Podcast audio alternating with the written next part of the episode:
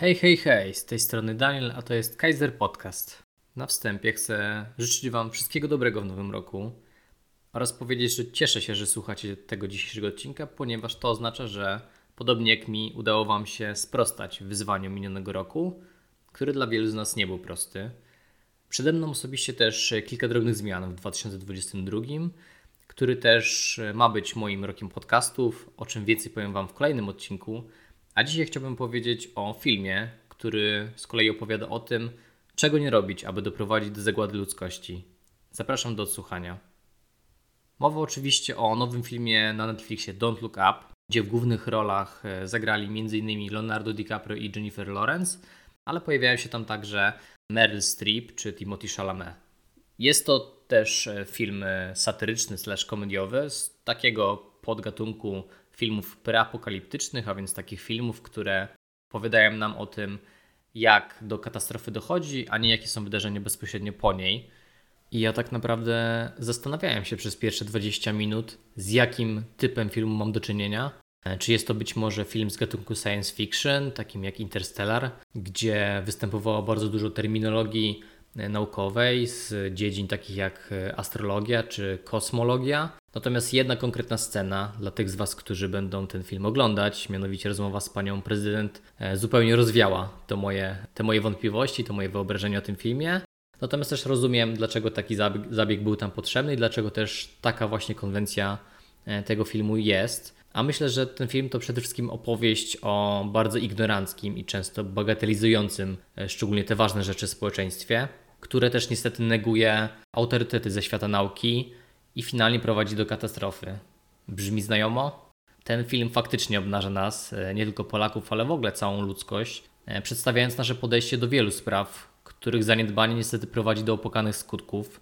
I myślę też, że przekaz tego filmu, chociaż przerażający to jest prosty, świecie. Czas się obudzić, ponieważ zostało nam według różnych danych około 10 lat tak naprawdę na to, żeby zareagować. A jeżeli tego nie, nie, nie zrobimy, to prawdopodobnie spotka nas być może podobny los jak bohaterów w filmie.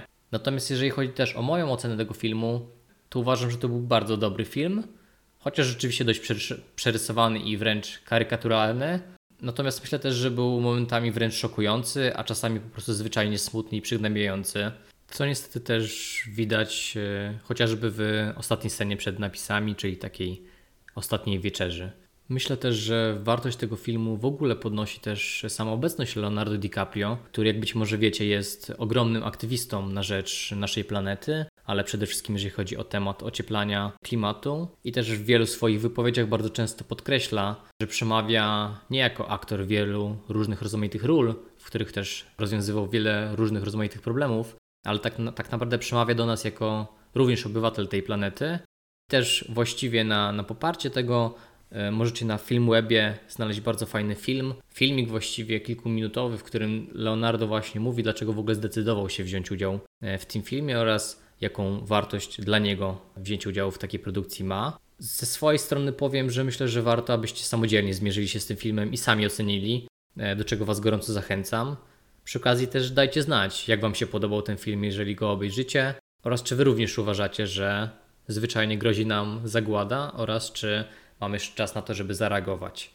Po obejrzeniu też tego filmu, tak właściwie przypomniało mi się też, jak bardzo przerażała mnie wizja świata, szczególnie ta, która zgodnie z kalendarzem Majów e, była przewidziana na 21 e, grudnia 2012 roku.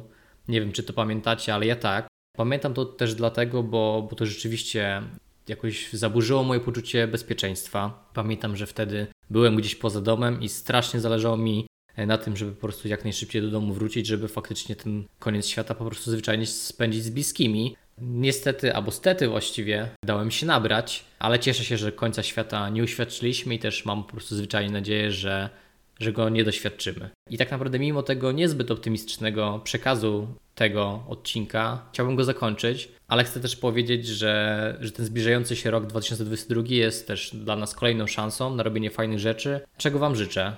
Tak naprawdę też ten pierwszy odcinek po nowym roku jest odcinkiem rozgrzewkowym, dlatego też myślę, że dużo fajnych odcinków przed nami.